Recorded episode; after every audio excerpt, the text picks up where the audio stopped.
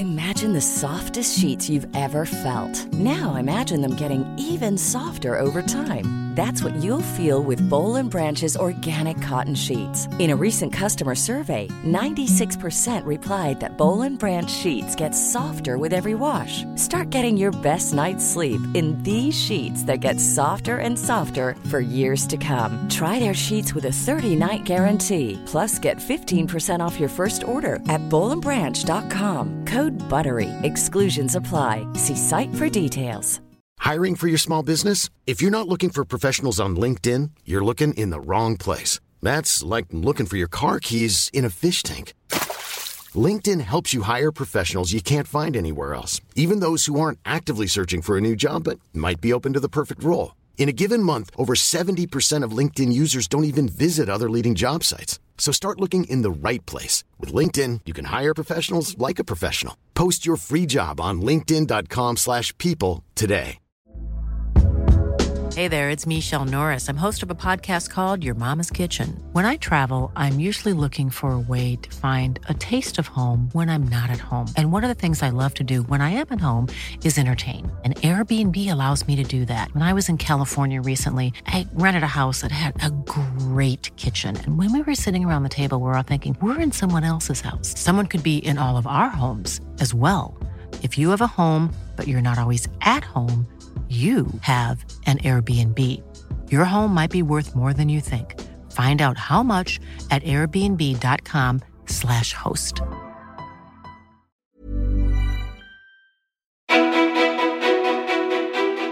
Hej och välkomna till veckans avsnitt av Ofiltrerat. Den här veckan så har vi lite av en julspecial i och med att eh, dels är jul och man måste göra något eh, lite extra roligt och speciellt. Eller det måste man inte men det känner jag för. Eh, och ni verkar uppskatta det här formatet där jag ibland sitter i gäststolen och att Elin som är min projektledare intervjuar. Eh, och den här gången så har vi bett er, eller Elin har framförallt bett er att ställa frågor om mig eller till mig. Eh, så att jag kommer lämna över i vanlig ordning. Elin kommer styra och leda oss igenom det här. Eh, jag har inte någon aning om någonting egentligen så att hon kommer ta över. Och har man inte lyssnat på föregående så finns det nu fyra stycken avsnitt tidigare med mig om man tycker att det verkar intressant. Men ja, Elin Sjödén, välkommen och eh, ja, kör hårt. Nu är du. Jingle bells, jingle bells. Jag skojar, det där klipper vi bort. Det där klipper vi inte bort. Kul! Ja. Dina avsnitt har ju blivit väldigt uppskattade, vilket är väldigt kul. Mm. Men jag förstår det, man vill ju veta mer om dig såklart. ja. Man och man, men det Nej, men den som följer dig antagligen gör väl det av en anledning. Oj, oj, oj. Ja, okej. Båten. Nej, så här. Du vet ju vad jag kommer fråga först. Ja, den ständiga frågan. Hur mår jag? Fråga det då. Jag frågar ingen annan i rummet. Jag frågar bara dig. Hur mår du? Hur mår jag? Eh,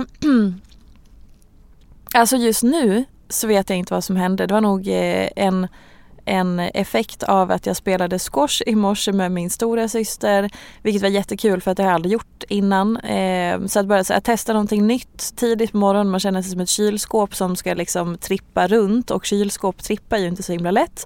Eh, så väldigt mycket skratt och eh, dunsande i golvet, alltså med fötterna, jag ramlade inte. Men skit i det. Men bara en så här skön känsla i kroppen av att så här, ha gjort någonting fysiskt som jag aldrig har testat innan. Eh, hänga med syrran, vilket vi inte hinner göra så ofta. Eh, och sen komma till kontoret och så här inte varit supereffektiv men ändå fått lite grejer gjort. Eh, och så här skön, bara så här skön känsla och att jag har landat lite i att ja, det blir nog jäkligt bra med en julledighet för jag har ju inte alls varit sugen på det. Det har ju känts så totalt jävla onödigt att jag ska gå på julledigt nu.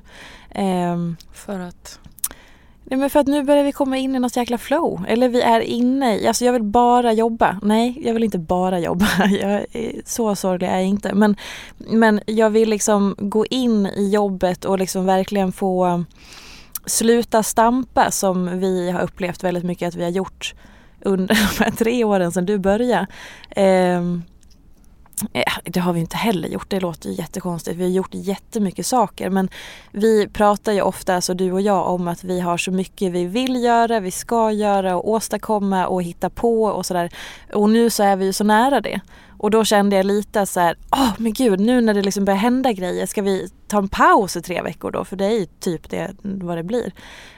Um, men nu så tror jag att det blir jättebra. Också för att jag ska liksom komma ut inför ett nytt år landa lite i 2019 som har varit och liksom ha den här nya energin. Jag behöver ju fasen ladda mina batterier för att jag har ju verkligen kört på med massa grejer det här året. Så det blir jättebra med en ny, eh, ett nytt år och framförallt eh, en paus. Eh, så nu känner jag mig liksom bra. Hade du frågat i förrgår eller igår så hade det varit så här fy fan, skit, äh, ångest, nej, orkar inte, blä, uh, fy fan, tungt. Mm. Det svänger snabbt ibland. Det gör det. Vad var det som kändes så tungt då? då? I söndags? Ja men eller innan?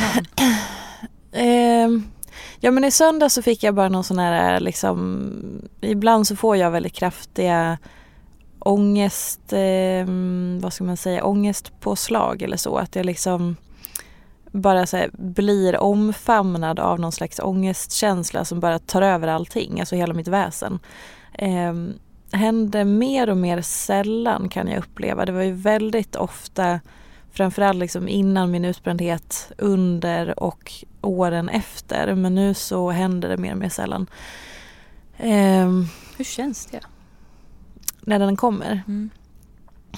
Alltså det är på något konstigt sätt som att jag både blir, både vet direkt när jag vaknar att så här, ja, det är här vi är, det här kommer hända idag.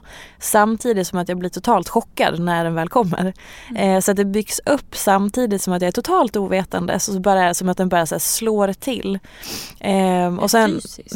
Ja, fysiskt och psykiskt. Alltså det är som att, det är som att jag kan liksom inte, alltså ingen centimeter, ingen cell av mig är opåverkad när det blir så här kraftfullt. Eh, det är liksom både att det känns i kroppen, det känns i själen, det känns i hjärta, hjärna, tankar, liksom det känns överallt inifrån och ut. Eh, lite svårt att beskriva och sätta ord på men det är bara som att här, jag blir dränerad och bara så här, ah, det, Alltså allting, allting eh, är som, det är liksom bara man tänker så här rakt igenom tungt, tungt, grått, långsamt, lite obehagligt och så här som att det skaver och man bara vill bara kliva ur sitt eget skinn. Och framförallt jag är så jävla neutral, alltså jag blir så här eh, alltså nollställd bara. Men, nej men det är svårt att sätta ord på ångest och hur det känns. Alltså det är, jag tror inte man kan riktigt eh, gör, beskriva det så att man gör det rättvisa. Och det är säkert väldigt olika hur, hur människor upplever det också. Hur tar du dig ur det då? Alltså jag är bara... i det tills det... Ibland så känner jag ett behov av att göra saker åt det. Som att så här, jag vet att, eh, att gå ut, frisk luft hjälper alltid. Eller att eh, ringa och prata med någon kompis eller vara lite ledsen eller vara ledsen i min ensamhet eller eh, älta det lite eller så röra på mig. Jag gick ju till gymmet och var där i 17 minuter och bara äh, nej nu går jag hem, det här går inte. Eh, så att alltså försöka röra på mig, eh, att försöka komma ut eller att träffa någon och bara så här hänga och prata om något annat och bara så här du berätta om ditt liv lite så jag kan glömma mitt för en stund. Det är jätteskönt i det här läget. Alltså bara, ja. Och ibland så bara är jag i det. Och bara låter det vara så för jag vet att det går över. Finns det någonting i det som är typ, inte behagligt, men tryggt för att det är så väl bekant? Alltså, ja, definitivt. Nej, det är, jätte, det är en jätterimlig fråga. Eh, förr när jag var, eh, framförallt när jag var sjuk och när jag inte hade bearbetat vissa saker och när jag, inte, när jag var liksom sjukskriven och i min utbrändhet så eh, var det ju otrolig trygghet. Allt som hade med sjukdomen och mitt mörker och allt det som var jobbigt var ju jättetryggt. Det var ju mycket tryggare att vara i det som var helt vidrigt på mängder av sätt än att försöka lista ut vad det nya var. Alltså vad, vad kommer efter det här? Hur ska jag ta mig framåt? Alltså, allt det var ju fruktansvärt läskigt, obehagligt och skrämmande. Eh, men idag så är det inte så mycket. Alltså, det är inte tryggt som i att jag går in i gamla mönster så mycket. Det kan jag nog göra ibland kanske att jag fastnar i några tankar eller som är destruktiva och så. Men just nu så är det inte så mycket för att jag, jag har liksom hittat ett förhållningssätt till det. Jag, blivit, jag vet vad det är, jag vet att det går över, jag vet att det inte är liksom att jag känner si eller så betyder inte att det är en sanning. Så att jag kan hantera det och jag, jag, jag går liksom aktivt inte in i det som jag gjorde då när jag sökte en trygghet i det. Eh, men det alltså definitivt att man hittar en, en trygg plats i sitt mörker eller sin destruktivitet eller vad det kan vara. Det är nog jättevanligt. Känns det som ett bakslag när det händer idag? Nej. Nej. Alltså jag tycker att det känns sunt om man kan säga så för att jag vet att vad ska jag säga, alltså som att det är det är liksom, jag ser det nästan mer tror jag nu när du säger det. Det känns mer som att det är en kommunikation från min kropp. I och med att jag har de här tendenserna och att det ligger så nära till hands så vet jag att eller jag tror att det är ett sätt för mig att kommunicera med kroppen. Och att jag vet att alltså, jag behöver ha det här ibland för att eh, i alla fall nu som det, för nu känns det ju inte destruktivt. Nu känns det inte som att det är dålig ångest på något sätt som så tar över mitt liv och gör att jag känner mig för, utan nu känner jag mer att det är ett sätt för mig att så grunda mig lite, landa lite, känna mina kanske riktiga känslor eller så här, få kontakt på ett djupare plan och vara lite eh, Alltså för att jag är ju också väldigt, också att ladda liksom, fylla på med energi. Jag är ju väldigt, eh, vad ska man säga, jag är en ganska optimistisk och positiv person som har mycket energi eh, och får mycket energi av att ge energi eller vad man ska säga och liksom är ganska grundglad och liksom är ganska så här ut så, utåt. Eh, och då behöver jag ställen att, att ladda och fylla på. Och jag tror att det här kanske har blivit ett sätt att så här, backa lite, grunda mig själv eh, och liksom bara så här, vara helt tvärtom mot allt det här som är glad eller liksom lätt för att tänka positivt eller sånt där. Mm. Eh, så att just nu, alltså om jag tänker på så i söndags, det var ingenting som Alltså det var ganska så här, odramatiskt även om det liksom i stunden är ju Alltså det är ju, nu låter det som att jag säger emot mig själv. Men det, för mig så är det solklart att det inte alls är så. Eh, det, det, är ju fruktansvärt jobbigt och tungt när, när jag är i det. Jag, jag förringar inte det. Men jag blir liksom inte rädd för det och jag känner fortfarande så här, ja, det var väl rimligt att det kom nu. Det är väl inte så konstigt med tanke på hur det har varit under hösten och mycket i livet samtidigt och nu börjar jag slappna av för att nu kommer snart julledigheten och sådär. Mm. När du fick sådana här panikångestattacker. Mm. Jag vet inte ens om det är liksom i samma genre. Det kanske är två helt olika saker, det kanske bara heter lite liknande. Men börjar det liksom som en vanlig sån, eller vanlig kanske man inte heller kan säga. Mm. Men som en sån ångestkänsla som sen går över till någonting. Eller hur var det för dig? Var det, är det två helt olika saker? Uh, nej, både ja och nej. Jag måste bara försöka tänka, sätta mig in i för det var så, nu var det ändå länge sedan. Mm, jag hade inte panikångest jättemånga gånger utan det Sen har jag så, jag har ju inte bra minne generellt från, alltså mitt minne har ju blivit skadad av utbrändheten. Jag, för de som inte vet så vart jag sjukskriven för eh, utmattningsdepression 2012 eh, när jag var 24 år. Och um, jag hade pan, alltså jag var sjukskriven under ett år på olika nivåer och var väldigt, väldigt sjuk eh, på många sätt. Men panikångesten kom några gånger innan och sen så några gånger under sjukskrivningen. Alltså jag kan inte riktigt, jag kommer den, den, jag kom ihåg två tillfällen. Eh, en gång var ju innan, eh, alltså ett och ett halvt år innan som jag blev sjuk. Eh, då jag gick, skulle gå till gymmet och där jag jobbade som personlig tränare. Eh, och då var jag ju liksom konstant uppe i, i liksom varv. Jag var så otroligt på. Alltså nästan påtänd av stresshormoner, energi, jag ska klara det här, jag ska göra det här, wow, wow, wow. Alltså jag hade sånt tempo så att jag jag pratade inte ens så här långsamt. Alltså, mm. Det fanns ingenting i mig som inte var uppspeedat. Ehm, och jag var liksom lite hög på både säkert mig själv och eh, min, mitt försök att dölja att jag mådde dåligt. För jag fattade knappt själv att jag mådde dåligt för att jag visste exakt verkligen att jag gjorde det. Men jag intalade mig själv att jag inte gjorde det.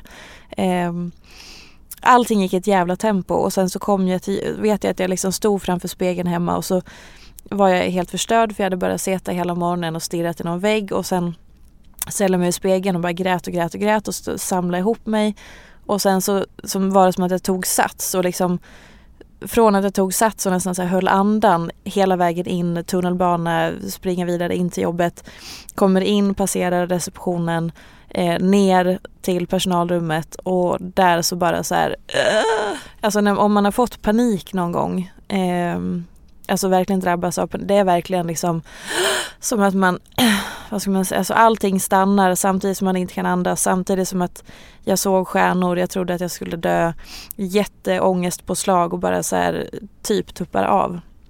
Ehm, och en kollega fångar upp mig för att jag tror att jag nästan också svimmar, ehm, för att jag ramlar i alla fall. Och vaknar upp på någon soffa där och är helt så här, fattar ingenting. Ehm, och det var ju liksom en variant Eh, där just liksom den här paniken var så, det byggdes upp av liksom det här tempot som hade varit så högt så länge. Då trodde jag att jag hade gått in i väggen, vilket jag absolut inte hade. Eh, det gjorde jag ju först, var det ett år? Det här var typ i november 2010 och 2000, ett och ett halvt år senare gick jag in i väggen på riktigt. Eh, och sen var det något annat tillfälle då jag satt hemma när jag var sjukskriven, alltså flera flera månader in i sjukskrivningen och så hade jag börjat boka in saker igen för att öva. Och så satt jag i badrummet och eh, tittade på klockan och bara oh, om 20 minuter så ska jag vara på plats där. Och här sitter jag. Och nu är det 15 minuter kvar.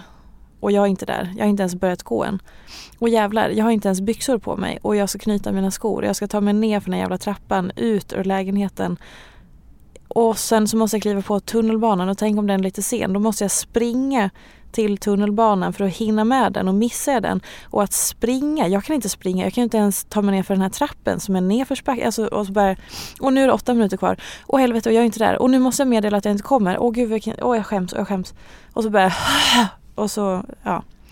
Ehm, satt jag där och bara så skrek i någon handduk och bara så hade totalt eh, panikpåslag. Eh, så det är väldigt så här, olika upplevelser. Jag kan nästan inte beskriva det. För att jag, det här kommer jag också ihåg för att jag har skrivit om det. Jag skrev, eh, jag skrev om det nästan direkt när det hände så att jag kan liksom förnimma. Jag kan läsa, jag vet, har, så jag berättat om det många gånger. Och liksom, men om att leva sig in i eller försöka beskriva Nej, alltså jag har så dåliga minnen ifrån det. Alltså jag kan, jag kan inte, jag vågar mig inte på Mm. Att återberätta det mer än så. Riktigt. Hur är det att berätta om de här två tillfällena nu? Um, Känns det något speciellt? Nej, men jag går liksom alltid in i, jag tror att jag så här, det är inte som när jag berättade om det i början att det hela jag blev så här Ah, alltså för, för, många år efter så kunde jag, så fort jag pratade om utbrändheten så kunde jag få, alltså då fick jag tryck över bröstet och jag mådde ganska dåligt efter och jag kände mig liksom otroligt påverkad på olika sätt. Svårt, eh, som tungt att andas och berörd eller tårögd och sådär. Eh, nu är det med att jag eh, liksom går in i och försöker verkligen så hitta, beskriva det på ett sätt som gör att det är eh, fortfarande att jag känner att här, jag är connectad med det när jag ska försöka beskriva det för att det inte ska bli konstigt. Eh, men jag har en distans till det på ett annat sätt. Eh, det är fortfar- jag tror att jag så här, kanske inte riktigt fattar att, jo jag fattar ju mycket väl att det är jag men att det inte, ja distans är nog mer rättvisa och inte för att jag skyddar mig eller skäms utan bara så det har ju gått tid är det åtta år sedan. Eh, och den här panikångestattacken eh, där när jag började den här första, det är ju nästan tio år sedan nästa år. Så det har väl också gjort sitt att det blir liksom ett annat, jag, har inte, jag kan inte tio år senare exakt sätta mig in i hur det var eller eh, så. Och sen är det ju alltid lite så här, beroende på vilken dagsform jag har i också. Mm. Har jag en dålig dag och känner mig skör då, då blir jag ju jättepåverkad fortfarande. Mm. Men eh, det är också spännande att prata om, eller spännande kanske fel men det är liksom, det är bra att påminna sig hela tiden eh, om det. Mm. Sen ibland är jag trött på att prata om det för att det känns länge sen eller att det känns, eh, eh, vad ska jag säga, jag har pratat om det så otroligt mycket och det var en så stor del av min, identitet ganska länge. Och då är det ganska skönt att, in, att jag inte känner så längre. Mm. Eh, ja, det är lite blandat mm. helt enkelt. Om det hade gått, nu går ju det verkligen inte, men om det hade gått, vad skulle du vilja sagt till dig själv i de, de två tillfällena där som du berättade om nu? Ja, det... Alltså jag tror att det ligger nära till hands att säga att så här, man ska säga något, eh, något magiskt som gör att jag hade kunnat ändra förloppet. Att jag hade fattat eh, redan det här eh, ett och ett halvt år innan att jag hade kunnat säga någonting som gjorde att jag inte hade behövt gå in i väggen. Jag hade inte behövt bli sjuk. Jag hade inte behövt bli utbränd vid 24 års ålder.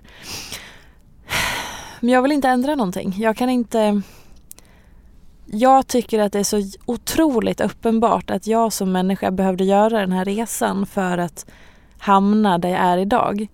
Um, så att jag hade inte, nu säger jag vad jag inte hade velat, men jag hade liksom inte velat säga någonting som hade så att jag hade lärt mig snabbare eller så, alltså så här, tagit en genväg eller sluppit gå igenom det jag, går i, jag har gått igenom. Um, jag hade kanske sagt att, ja men typ att så här, det kommer vara så, så jävla tufft och vidrigt. Eh, men det, det, det, det, finns en mening. Alltså, det kommer bli så jävla bra.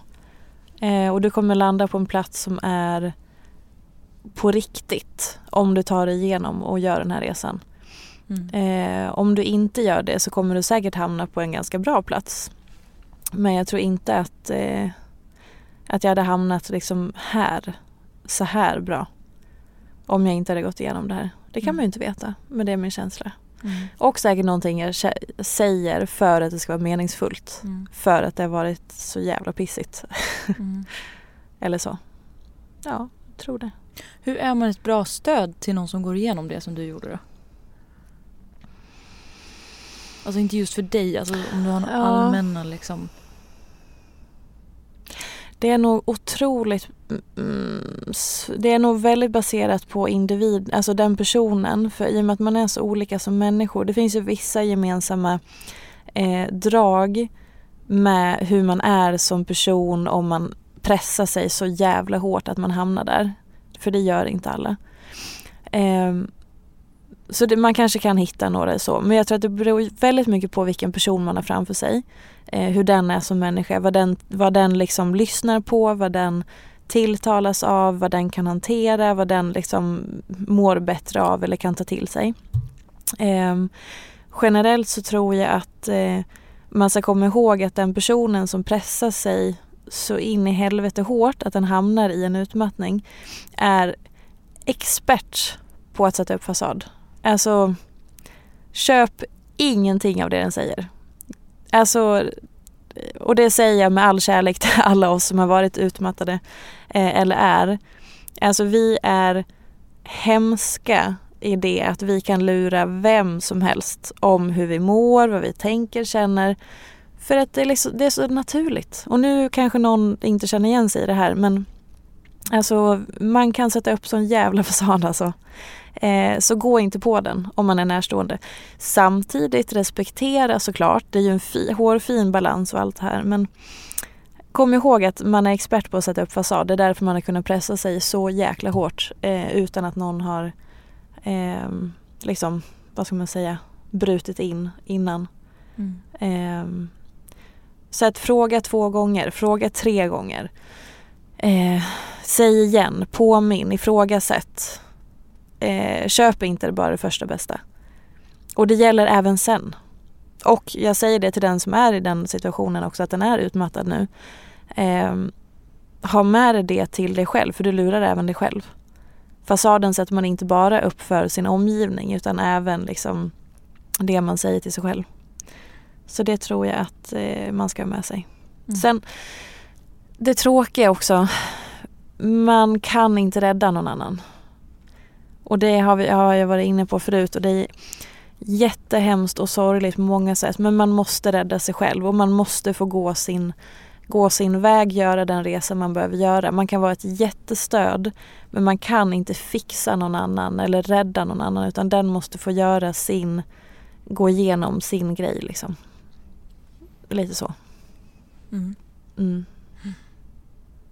Nu har vi hållit på ett tag. Ja. Nu tänkte jag att vi skulle börja på riktigt. Oh, wow, vad ja, spännande. Nej, det var en eh, fin inledning tycker jag. Mm, verkligen. Du är bjussig. Tack. Eller vad man säger. Det känns också lite förminskande att säga att du är bjussig när du har liksom berättat om saker från det innersta så att säga. Ja, det är okej. Okay. Men det är väl bjussigt om något. Um, om vi går över på, vad säger man, lyssnar eller läsarfrågorna ska man egentligen säga. Det är dina läsare som har skrivit in frågor. Ja. Tänkte att vi skulle börja så här.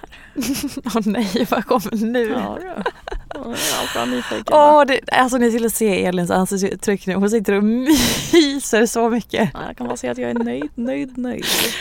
Okay. Nej, så här. Vi ska mm. kasta om det lite. Men gud, jag känner hur nöjd jag ser ut. ja, du är så nöjd. Det är så otroligt Nej, obehagligt. Mm. Ja. Vad är inte som det ser ut? Vi ska börja med den. Det ska vi. Du brukar avsluta med den. Den ja. brukar du ställa till dina gäster som avslutning. Mm. Vad är inte som det ser ut? Mm. Mm, Första du tänker på? Det är min favoritfråga. Men nu måste vi göra om det här. Ja, Okej, okay. okay, vänta. okay. Sofia Ståhl. Vad är inte som det ser ut? Låt den sjunka in. Åh oh, gud, det blev helt blank. Undrar om det är svårt bara för att jag, det är jag som brukar ställa frågan. Oh, jag måste bara... Ska jag ställa den med en annan röst? Ja, jag tror det. Vad är inte som det brukar se ut? Nej, det blev fel. då, då säger vi så här. Ja. Är inte som det ser ut? Ska vi ta en annan dialekt? Jag har ett par styck. Har du? Nej men jag tänker såklart som alla mina gäster säger, man tänker på flera saker samtidigt. Mm. Eh, ah, vad är inte som det ser ut? Vi själva. Mm. Alltså vi själva är ju inte som vi det är ju inte som det ser ut. För att vi intalar oss en jävla massa saker hela tiden. Som inte är till vår fördel för oss själva. Du, menar du liksom skalet? Nej, Eller alltså jag menar att innehållet? vi... En kombination, men att vi så här, som jag pratar mycket om, så här, valda sanningar mm. eller vad man talar om för sig själv, hur man begränsar sig själv.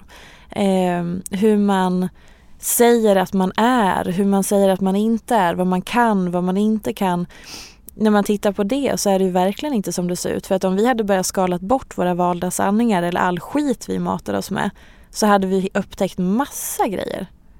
Och det ligger mig väldigt varmt om hjärtat. Jag kan ju relatera, alltså jag gräver ju lite i mig själv där men och jag tror att många går igenom det i olika faser i livet. Att man kan vara lite så här, men gud, har jag sagt det här till mig själv så här länge? Eller jaha, men gud, jag börjar ju prata om varför säger jag så? Eller jaha.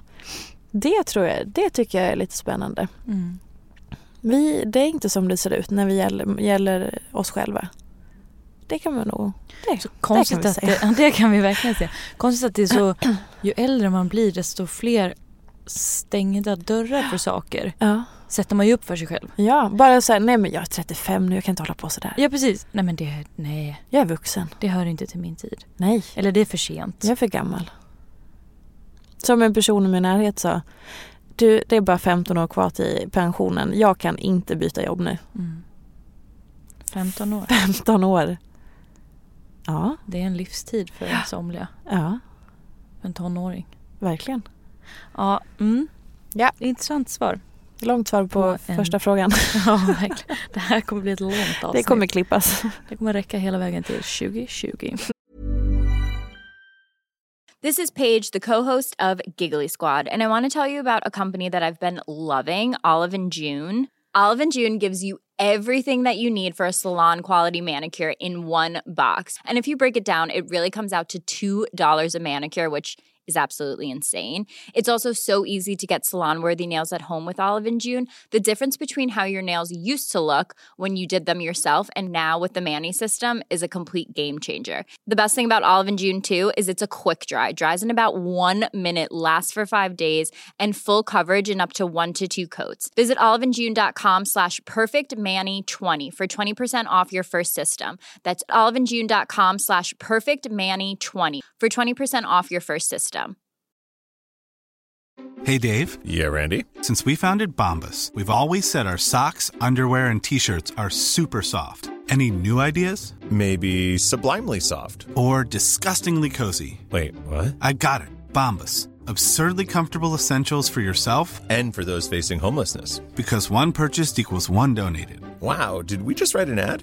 Yes. Bombas. Big comfort for everyone. Go to bombas.com slash ACAST and use code ACAST for 20% off your first purchase. Burrow's furniture is built for the way you live.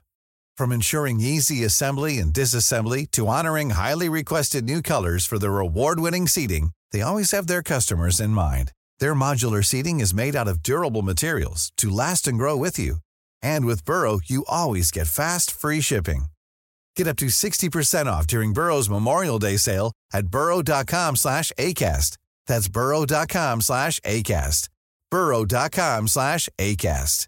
Normally, being a little extra can be a bit much. But when it comes to healthcare, it pays to be extra. And United Healthcare makes it easy with Health Protector Guard fixed indemnity insurance plans. Underwritten by Golden Rule Insurance Company, they supplement your primary plan, helping you manage out of pocket costs without the usual requirements and restrictions like deductibles and enrollment periods. So when it comes to covering your medical bills, you can feel good about being a little extra. Visit uh1.com to find the Health Protector Guard plan for you. Vilka delar av ditt liv har du och kommer du aldrig dela med dig av i dina sociala medier? I ditt jobb som influencer? Alltså jag, saker och ting som har med mig att göra enbart delar jag ju ganska friskt med mig av eh, Alltså förutsatt att jag känner, alltså där har ju min inre eh, Eh, min inre kompass hela tiden som jag förhåller mig till. Eh, I så här, min, vad är okej för mig, vad är min integritet och så vidare.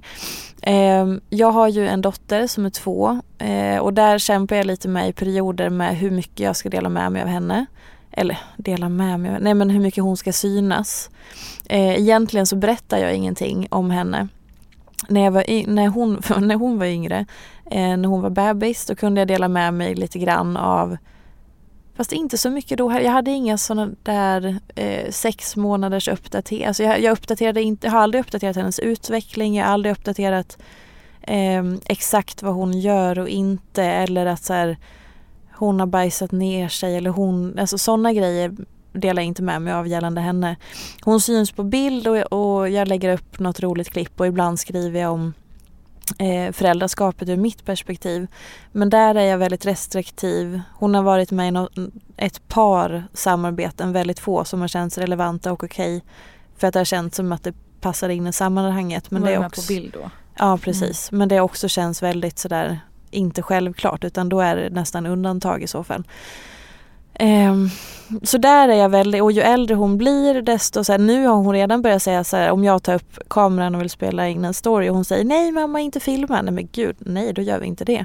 Eh, så hon har också börjat markera att hon inte liksom, vill hon inte, säger hon nej när jag vill ta en film då blir det ingen film. Och hon är två. så att, eh, så att eh, där är jag ju väldigt restriktiv eh, och hon kommer antagligen synas mindre och mindre eller eh, på ett annat sätt. Eller bara mindre och mindre. Sen kommer det väl också bli att det ändras hur man får lägga upp sina barn i sociala medier. Det har man väl snappat upp. Eh, alltså ett, något regelverk och sånt där. Um, så den delen är ju väldigt eh, restriktiv eh, för mig. Och sen så Alltså jag vill ju ha ett privatliv också. Eh, och det blir ju, är ju viktigt. Eh, och jag känner att jag har till stor del ett privatliv. Eh, man kan alltså mina vänner håller jag mig ganska mycket för mig själv.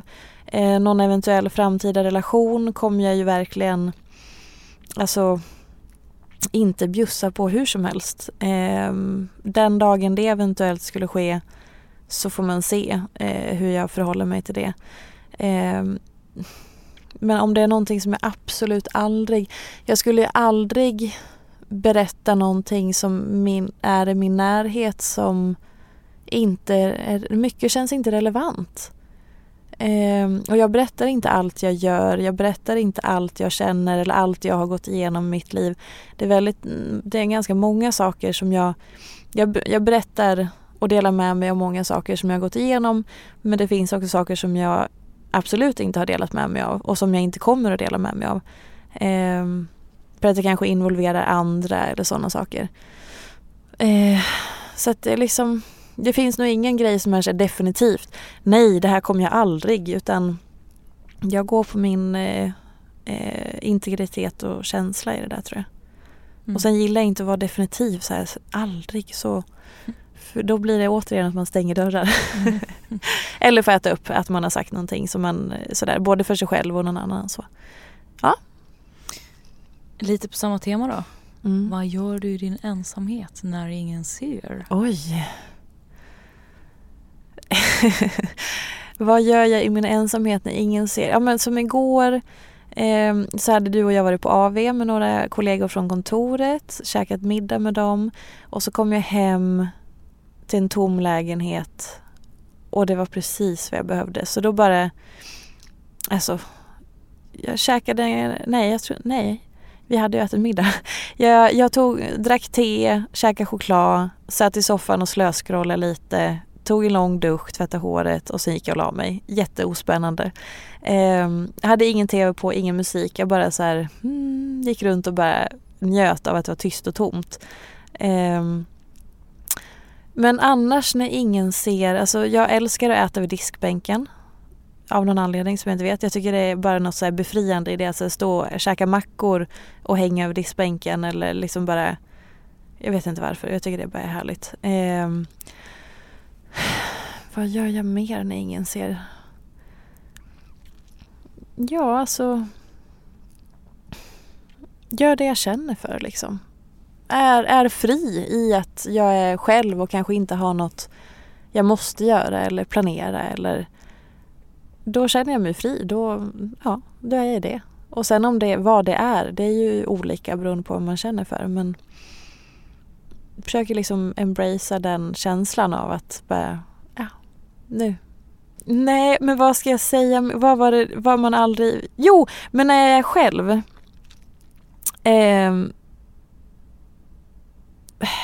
vad var det jag skulle säga nu då? Det var något jättebra. vad kom du på för något som du gör? Ja. Pillar i näsan? Nej, det pillas av andra ställen. Jag skojar. jag kunde inte låta bli. Hjälp. Du la ju upp den så. Ja, gud. Vi går vidare. Inget ansvar för den här podden. Ja, eh, byter vi raskt ämne här. Ja. Då skulle jag vilja fråga vem som är din drömgäst i podden? Oh. Mm. Alltså, så här, Therese Lindgren var ju lite av en drömgäst. Eh, jag blev också helt överlycklig när det visade sig när vi träffades på ett, eh, ett event och hon sa att hon lyssnar på podden. Då blev jag ju så glad eftersom jag hade tänkt att hon eh, hade varit en jätterolig gäst. Nu fick jag ju med henne i somras. Eh, så det kan man lyssna på. Jag kommer inte ihåg exakt vilket avsnittsnummer där men Therese Lindgren finns ju. Eh, så att hon var ju en drömgäst. Eh, en annan drömgäst hade kanske varit ehm, min ungdomscrush Alexander Skarsgård. Eller fasen vad tråkigt att jag inte har något. Jag har inget klockrent svar. Vad tråkigt. Har du någon drömgäst i podden? Förutom dig själv då? Vad skulle vara det då? Det hade varit den ultimata gästen ja. då. Mm. Mm. Eh, vi har ju tjatat på Hampus Nessvold länge. Här får man tala till punkter. Ursäkta, nu är det faktiskt jag som är... Okej då. Nej. Det är din podd och det är du som är gäst faktiskt. Kör nu. Hampus Nessvold. Ja. Säger jag. Eller Ja, för att han ska gästa. Det har vi pratat med Fanny om. Hans manager. Eh, Oscar Sia kommer också till våren. Ja, nej. Jag får väl be om tips från, från lyssnarna. Mm, verkligen. Önska gäster faktiskt. Eh, nästa fråga. Hur stort tänker du att ditt företag ska bli? Vill du anställa fler? Oj, vad intressant. Vet du, det här har jag sagt till dig någon gång. Jag säger så otroligt mycket grejer till dig hela dagarna så jag är glad att du fortfarande orkar lyssna. Eh, jag har ju konstaterat att det är så otro... jag blir så glad varje gång någon frågar mig om företagarbiten. För det är så otroligt få som frågar mig om mitt jobb, om mitt företagande och allt det där. Så att när någon ställer en sån fråga så blir jag så här, men gud vad kul! Gud vad roligt att du frågar det. Vad, vad spännande för jag vet knappt själv. det gjorde vet jag. Men eh, jag tycker det är väldigt kul. Eh, det var därför jag vill bara så här, eh, ge en bakgrund till varför jag blev så glad när jag fick den frågan. Mm. Hur stort tycker du att mitt företag, mitt företag ska bli? Alltså ehm, min grund som jag står på i det här är ju att det viktigaste för mig just nu Ehm, är ju, för nu, eh, jag har ju ett, ett, aktiebolag med två heltidsanställda, det vill säga du och jag. Eh, det är du och jag. Ehm, och det viktigaste för mig är ju såklart att vi eh, att jag kan fortsätta ha dig. För det är alltså att eh, som egenföretagare anställa Eh, är ju fruktansvärt dyrt, vet vi ju alla. Eller man kanske inte vet det, men det är väldigt dyrt. Så det är en väldigt stor investering eh, att ta, dels att ha, såklart ha råd med sin egen lön och någon annans eh, årslön. Och då är det ju så här, för att vi ska, vi behöver ju gå runt på det så att du och jag kan ha vår lön och att vi kan ha ett bra liv eller vad man säger. Eh, och sen vill jag alltid gå lite med vinst eh, såklart så att jag dels tryggar en buffert inför framtiden. Att om vi har ett sämre år så kan man ta av det så att det inte blir skrik och panik om vi har ett dåligt år eh, någon gång och sådär. Eh, så att vinsten måste också finnas och sen varierar det varje år. Men, och för mig är det också mera värt att ha Eh, nu pratar jag ju om dig då, eh, konstigt när du sitter där, du vet redan det resonemanget. För mig så är det inte viktigast att gå med jättemycket vinst varje år utan för mig är det mer värt att ha Elin som anställd, eh, så att jag har ett drägligt och underbart eh, arbetsliv, vilket jag har nu när vi är två i företaget sedan tre år tillbaka. Eh, där vi liksom har varsina bitar och att jag har en kollega, någon att bolla med eh, och att jag kan utvecklas på det sättet. Därför så är hur ska, nu vart det här lite långt och kanske osammanhängande. Men så här, ja det är jätteroligt om mitt företag växer och om vi kan anställa någon i framtiden. Eh, det vill jag absolut. Och jag har, eh, om jag får liksom drömma fritt så ser jag ju framför mig att, eh, att vi skulle kunna ha liksom flera anställda och jag vet att för att du ska vara motiverad eh, och liksom fortsätta utvecklas så behöver ju du också få stimulans och utmaning och sånt. Så det är klart att vi behöver in mer folk. Ehm, och det finns massa kul man kan göra och som vi ska göra då om vi får bestämma det. Men det viktigaste är inte att jag ska liksom eh, Jag har inga mål om att jag ska tjäna massa, massa pengar. Eh, alltså jag, hade jag tyckt att det var viktigast så hade jag jobbat själv. För att jag får betydligt mer vinst i mitt företag. Eh, även om jag inte omsätter lika mycket då. Men liksom den ekvationen ändras ju lite när jag inte har en till årslön. Eh, men jag tycker att det är mer värt att ha Elin och ha mindre vinst i företaget. Eh, så. så att, att tjäna pengar och växa på det sättet, absolut. Men det är inte det primära. Fan vad rörigt det blev. Fattar man någonting av det jag sagt? Mm. Det kändes jätterörigt. Kan jag besvara den här frågan på ett mer rakt sätt? Fast jag gillar ju att fluffa runt det för att det är liksom, jag resonerar mig fram. Ja. ja men så här, ja, ja jag vill att det växer. Eh, men vägen dit är inte på bekostnad av Alltså jag vill göra, bygga en jävligt stabil grund. Eh, det är det jag vill göra. Eh, jag vill växa eh, så att det blir stabilt och att det är en bra grund eh, och att du och jag mår bra längs vägen, att vi fortsätter känna oss stimulerade. Ehm, och att det är liksom hela tiden att man känner att det inte är några snabba lösningar. Ehm, och inte på bekostnad av massa saker. Men det är också viktigare för mig att, att vi två eh, kan vara vi två i företaget än att tjäna snabba pengar och liksom hela den biten. Mm. Men jag har jättemånga roliga planer, eller vi har många planer och tankar om hur vi kan göra framöver. Ja, vad, det är också en fråga. Vad har du för tankar och förhoppningar framförallt först näst i hans nästa år? Eh, Får bli ute också. ja. Eh, vi lanserar ju nu först eh, en eh, tjänst eh, för första gången på väldigt länge. Jag hade ju Peter online eh, för massa år sedan där jag tog emot kunder. Jag har inte tagit emot kunder på massa år för jag har inte hittat ett sätt att göra det. Jag, jag har inte möjlighet att ta emot kunder fysiskt en och en eh, för att det inte är effektivt ehm, och liksom går liksom inte ihop i kalkylen. Men däremot att att ha kunder på ett annat sätt har jag ju letat lite efter och då har vi lanserat en sms-tjänst nu som drar igång i januari. I väldigt liten skala först eh, men förhoppningsvis så ska ju det funka så pass bra så att vi kan skala upp den på något sätt eh, framöver. Eh, sen så Allting som vi gör kommer ju fortsätta, eh, alltså i bloggen och Instagram och sociala medier. Eh, fortsätta utveckla det, eh, fortsätta jobb, utveckla samarbetet med Femina. Eh, vi har vissa kunder som vi gör samarbeten med som återkommer och som kommer fortsätta. Ehm, en seglarresa blir förhoppningsvis och antagligen av nästa år. Ehm, jag har haft flera möten med SVT om hur vi ska fortsätta jobba tillsammans ehm, under nästa år och eh, kommande. Eh, SVT Morgonstudion kommer förhoppningsvis fortsätta. Podden kommer fortsätta. Eh, ja, har precis skrivit på ett avtal för en annan, en produkt som kommer mm. släppas 2021. Mm. Eh, vad mer? Tarek och jag kommer fortsätta jobba ihop på olika sätt. Eh, alltså Tarek Taylor som jag gjorde Lyckomaten med. Eh, kommer föreläsa mer. Mm. Tränings och hälsohelger kommer komma. Eh, ja. Kul år. Kul år! Det är därför jag inte vill ta den här julpausen fast jag vet att det är bra att göra det. Då kommer man komma tillbaka redo. ännu mer ja. redo. Laddad. Mm. Det är, Nej men verkligen. Det är en helt egen fråga också vad det, vad det finns för framtidsplaner med SVT.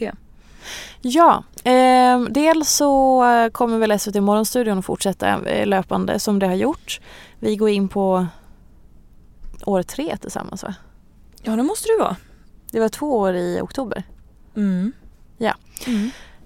Eh, september kanske. Men eh, ja, nej men jag var nere hos SVT i Malmö. Det var de som producerade och gjorde Lyckomaten eh, förra veckan och vi eh, kommer pitcha ett par olika programförslag eh, som i mars eh, där SVT har sin stora pitchgrej eh, som alltså man hela alla SVTs eh, liksom eh, vad ska man säga avdelningar eller kontor eller så i hela Sverige eh, deras ehm, de utvecklar program och så pitchas de in och sen är det, säg att det är 100 pitcher och så är det ett 20-tal som blir antagna. Eh, så den processen ska vi gå igenom igen. Eh, något program med bara mig, något program med mig och Tarek tillsammans och kanske se hur vi kan fortsätta plocka det bästa av lyckomaten och sådär och fortsätta utveckla det. Eh, så att ja, ingenting satt och bestämt mer än att vi definitivt vill och förhoppningsvis antagligen ska jobba ihop. Sen ska vi bara hitta formen och eh, hitta liksom exakt vad det blir, det vet vi inte än. Men vi jobbar aktivt tillsammans. Mm. Spännande. Japp. Nu är det faktiskt så här. Nu behöver vi börja avrunda. Wow. Har du något sista avslutande ord? Några klokskaper? Eller bara någon liten hälsning? Alltså en grej som man kan tänka på ibland är att det finns ju ganska många klyschor här i livet. som till exempel att så här, det blir inte roligare än vad man gör sig. Och jag hatar lite grann att behöva säga det. Men Heter det, är... det inte gör det till. Jo. jag ber om ursäkt om jag precis kill your vibe. Det gjorde du verkligen. Men, ja. Nej men så här, till exempel den klyschan som är en så jävla irriterande klyscha. Det blir inte roligare än vad man gör sig. Gör det till. men det är ju så. Ja. Alltså och jag kan bara gå till mig själv i mitt eget liv herregud vad jag har hållit på och inte gjort det kul för mig själv och begränsat mig själv på massa sätt eller sagt till mig själv eller hållit på. Så, så här, jag är ledsen att behöva säga det men det är så och vi behöver ta ett jädra ansvar för hur vill jag leva, vad säger jag till mig själv, eh, hur vill jag må, vad kan jag göra för att hamna där eh, vill jag gå på den här middagen och ha roligt nu då behöver jag anstränga mig för annars så kommer det bli tråkigt. Jag kan inte sitta och vänta på att allting ska hända. Det här är jättejobbigt att höra också men generellt i livet, vill jag att någonting ska hända så får jag fan fixa det själv. Och det kanske låter som att man inte litar på människor eller som att så här, Nej, men man måste bädda lite för olika saker. Kommunicera, prata om det, säga, berätta. Alltså allt ifrån i en relation om man vill eh, att man ska, behöver någonting mer av någonting eller att någonting är på ett annat sätt, ja, men då måste man ju säga det så att eh, den andra personen har en chans att möta det. Eller om man på jobbet vill bli befordrad, ja, men informera din chef om det så att den vet det. Eller om det är någonting som man saknar i livet, så här, se, upp, se över vad behöver jag göra för att kanske hamna där eller jobba för det eller så. Um, och på ett sätt så känner jag att det bara så kryper i hela kroppen för det kan kännas otroligt provocerande och bara så här, ja ah, men lätt för dig att säga eller äh. Och jag fattar det. Men vad, vad är alternativet då? Alltså, och likadant i alltså man ska också be om hjälp såklart. Det finns ju många delar i det här. Eh, men, men det jag vill säga är att så här, nu går vi in i ett nytt decennium. Vi går in i ett nytt år. Sitt i alla fall inte och vänta på saker och ting. Sen behöver man inte göra allting själv och man behöver inte vara den som ska vara ensam är inte stark, det är inte det jag säger. Jag säger bara sitt inte och vänta utan försök att bädda lite grann för att det du vill ska hända oavsett vad det är kanske blir lite närmare verkligheten. Ehm, så det vill jag säga. Sitt inte och vänta. Agera och sen vad det innebär, det kan vara olika saker beroende på vad det är. Eh, men gör dig själv en tjänst att så börja uttala saker högt, prata om det, be om hjälp, eh, skaffa någonting, fixa något. Alltså så här, vänta inte. Gör det nu. Där. Så. Tack. Tack själv, det blir helt slut. Får vi önska en riktigt, riktigt... Först Sjödén, mm. vad vill du ha ut av nästa decennium? Nu satte du mig i den andra stolen. Ja, det gjorde jag. Jag vill bli jättebra på thaiboxning. Jag vet. Jag mm. tänkte, på min tunga så låg det så här, du får inte prata om thaiboxning.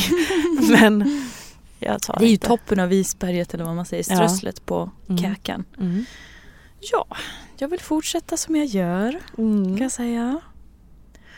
Jag mår ju ganska bra skulle jag vilja säga. Så det, det vill jag fortsätta göra. Jag vet inte varför jag kom in i den här resten nu. Nej. Det var för att jag hamnade i den här stolen. Ja. Nej men alltså, fortsätta ha kul. Mm. Fortsätta må bra. Fortsätta, jag har en ganska bra kaka att stå på så att säga. Mm. Så jag vill fortsätta. Vad betyder det? Men jag, jag känner att jag har en väldigt bra grund att stå på. Mm. Alltså jag själv. Mm. Jag eh, känner att jag har mycket på det torra. Mm, jag trivs liksom. Mycket bra. I mångt och mycket. Så att eh, jag ska fortsätta strössla på med strössliga grejer. För det är liksom, kakan är lagd. Åh vad fint, kakan är lagd. Lite os alltså jag fattar precis vad du menar. Ja men grunden är liksom på plats. Kakan är bakad? Kakan är bakad. På med kristyr, på med strössel. Mm. För det får man. Mm. Och det blir så kul. Och vet du vad? Inte bara får man, det ska man ge sig själv. Det bör man. Det bör man. Så här, vet ni vad? När Elin har jobbat med mig i tre år eh, och det tog kanske ett år. Sen kom hon hem från någon jävla charterresa med en glitterkorv. alltså en plånbok i form av en hotdog med paljetter. Mm, och sen efter en kort stund till så kom hon med en banantelefon, alltså ett headset i form av en banan. och sen efter det så har det eskalerat i så här roliga, kuliga grejer som kanske inte en vuxen person normalt sett har. Eller så är det exakt det den har. Och det här satte djupa spår i mig att jag insåg, jag är så tacksam för det, för den där glitterkurven, alltså den satte igång saker hos mig. Så jag kommer att jag skrev ett blogginlägg om det till och med. Jag minns.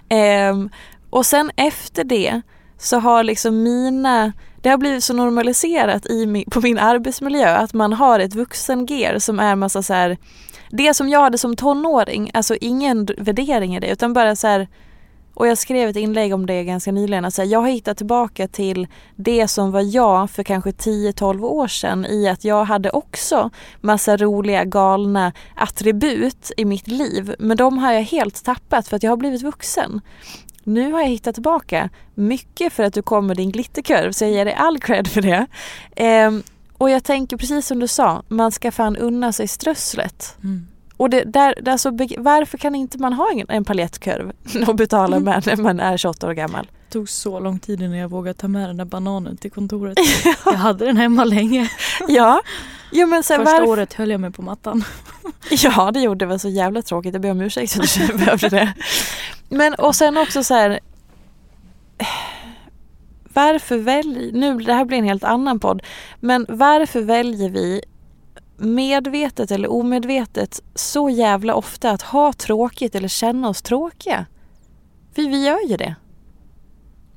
Alltså det här får vi ju fortsätta prata om i nästa gång mm. vi sitter så här. Men det är ju så mycket som är i så att vara vuxen eller man ska liksom allting ska matcha och vara exakt symmetriskt. Alltså jag har varit i den fällan 100% senaste åren så att jag vill liksom bara alltså fällan i att säga i mig själv att jag har tänkt att allting måste matcha. Nej men jag kan inte ha färg på mig. Jag kan inte ha det här. Alltså jag har talat om för mig själv så många grejer som har begränsat mig. Men som vi sa tidigare också att det finns finns någon slags uttalat bäst före-datum mm. för vissa saker. Ja. Säger man till sig själv. Verkligen.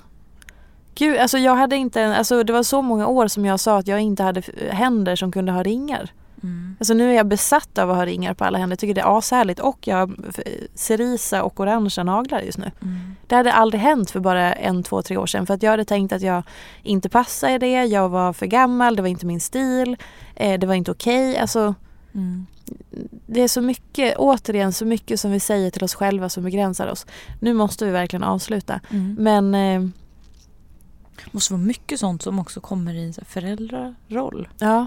Man tänker innan man får barn. Liksom att man ska bli, det är då mm. man blir vuxen också. Exakt, verkligen. Ja nej nu ska vi inte öppna den porten. Nu ska vi det faktiskt, gjorde vi. Ja det gjorde vi. Men nu får vi stänga den porten lite. Mm. På tal om att stänga dörrar så att säga. Exakt. Nu öppnar vi julporten. Oh my God. Torsdag. Ja. Nu hörni. God jul. God jul. Dun, dun, dun, dun, Följ mig gärna i sociala medier. Jag heter Peterfia på Instagram och bloggar på peterfia.se.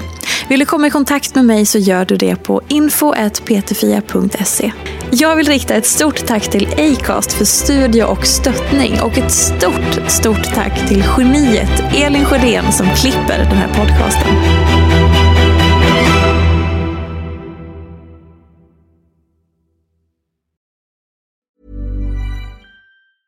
A lot can happen in three years, like a chatbot may be your new best friend. But what won't change? Needing health insurance. United Healthcare Tri Term Medical Plans, underwritten by Golden Rule Insurance Company, offer flexible, budget friendly coverage that lasts nearly three years in some states. Learn more at uh1.com. Mom deserves the best, and there's no better place to shop for Mother's Day than Whole Foods Market. They're your destination for unbeatable savings, from premium gifts to show stopping flowers and irresistible desserts. Start by saving 33% with Prime on all body care and candles. Then get a 15 stem bunch of tulips for just $9.99 each with Prime. Round out Mom's menu with festive rose, irresistible berry chantilly cake, and more special treats. Come celebrate Mother's Day at Whole Foods Market.